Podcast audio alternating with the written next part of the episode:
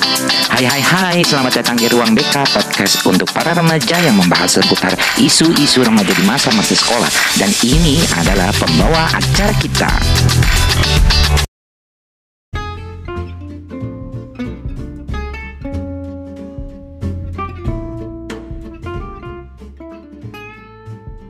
Hai hai hai Akademika, bertemu lagi kita di Ruang BK Podcast, ruang yang membahas isu-isu seputar remaja di masa-masa sekolah.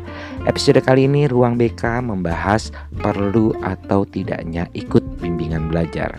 Ya, banyak sekali dari akademika pastinya ikutan bimbel biasanya karena teman-temannya pada bimbel di situ atau tergiur iklan atau disuruh sama orang tua untuk ikutan bimbel di situ. Padahal tidak sedikit juga dari akademika yang tidak ikut bimbel malah mendapatkan nilai yang lebih baik daripada yang ikut. Kenapa ini bisa terjadi? Bimbingan belajar hadir karena pada saat itu beberapa siswa memerlukan bantuan khusus untuk dapat lulus dalam ujian, baik itu ujian kenaikan kelas maupun ujian masuk perguruan tinggi. Kemudian bimbel ini awalnya dihadirkan atau diciptakan oleh para guru di sekolah yang melihat kebutuhan khusus anak-anak ini gitu ya. Awalnya mungkin bermula dari one on one session ya belajar privat. Tapi mungkin dari mulut ke mulut akhirnya orang-orang itu mulailah belajar pada guru tersebut gitu ya. Akhirnya banyak siswa yang ikut dan lahirlah lembaga bimbel. Dengan program spesial yang difokuskan pada banyaknya latihan soal lembaga bimbel pun berhasil membuat banyak siswa yang lulus dari ujian Keberhasilan ini pun dijadikan alat promosi untuk terus mendapatkan siswa. Namun, promosi ini tidak banyak membuat lembaga bimbel bertahan lama. Jadi banyak lembaga-lembaga bimbel yang juga pada tutup ya. Untuk terus bertahan lama, beberapa dari lembaga bimbel mulai memberikan gambaran soal atau prediksi yang kemungkinan keluar ya pada saat ujian dan tidak sedikit dari mereka bahkan berani memberikan soal yang sama persis. Entah bagaimana cara mereka mendapatkannya. Keberhasilan ini pun akhirnya kembali menjadi alat promosi untuk mendapatkan siswa dan biasanya promosinya itu jaminan uang kembali. Lalu pertanyaannya, apakah dengan mengikuti bimbel di sana ya menjamin akademika berhasil mencapai tujuan akademika? Belum tentu. Tidak sedikit dari akademika yang tidak ikut bimbel bahkan lebih berhasil dari mereka yang ikut. Kenapa? Di sinilah pentingnya memikirkan beberapa hal yang layak dipertimbangkan sebelum teman-teman akademika ikut bimbel. Yang pertama, kenali tipe belajar akademika sendiri. Dalam episode sebelumnya, Ruang BK sudah menjabarkan tipe-tipe pembelajar. Untuk lebih mengetahui, silakan putar kembali episode sebelumnya.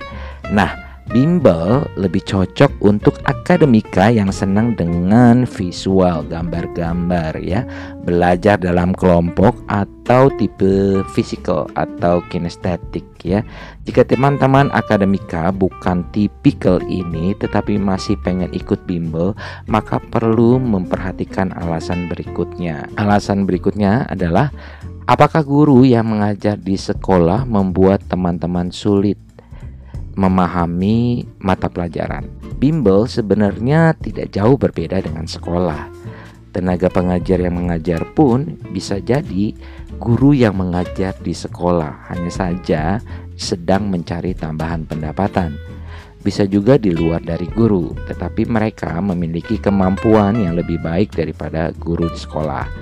Saran kakak, mungkin teman-teman di sekolah sebaiknya konsul ke guru ya dan bilang kalau misalnya sulit nih memahami mata pelajaran bilang Bu atau Pak saya tipe belajarnya begini dan begitu Nah kalau sudah diomongin tetapi sang guru tidak bisa mengajarkan dengan menyesuaikan tipe belajar kita maka boleh ya silahkan cari bimbel ya. Cari bimbel yang memiliki guru sesuai dengan tipe teman-teman belajar kayak apa gitu ya. Nah biasanya lebih baiknya adalah cari guru privat ya atau bimbel privat. Jangan bimbel yang dalam satu kelas oke? Nah Perhatikan alasan berikutnya. Hampir 100% bimbel itu isinya hanya latihan soal ya, bukan belajar tentang konsep. Ada sih, cuma berapa persen doang gitu ya. Nah, pertanyaannya adalah apakah di sekolah teman-teman merasa kurang latihan soal atau kurang memahami konsep?